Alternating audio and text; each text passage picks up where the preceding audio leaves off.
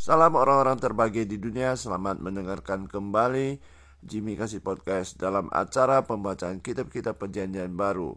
Hari ini kita baca dari Matius pasal yang ke-9.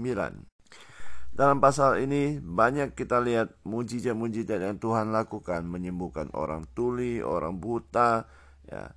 Banyak hal yang Tuhan lakukan tanda-tanda ajaib dan tanda-tanda heran.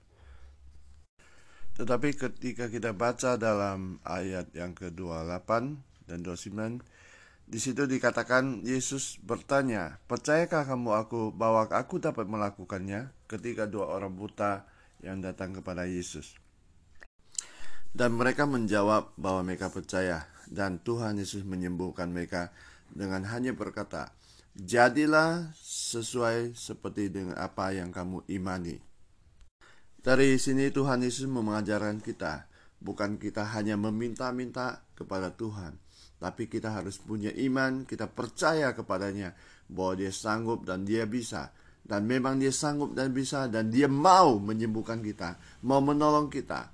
Jadi tinggal kita percaya, maka iman itu akan bekerja dan jadilah sesuai dengan apa yang kita imani itu akan terjadi dalam hidup kita. Tuhan Yesus memberkati semua. Semoga ini menjadi berkat dan sebarkan uh, podcast ini kepada teman-teman biar banyak orang boleh diberkati juga. God bless you.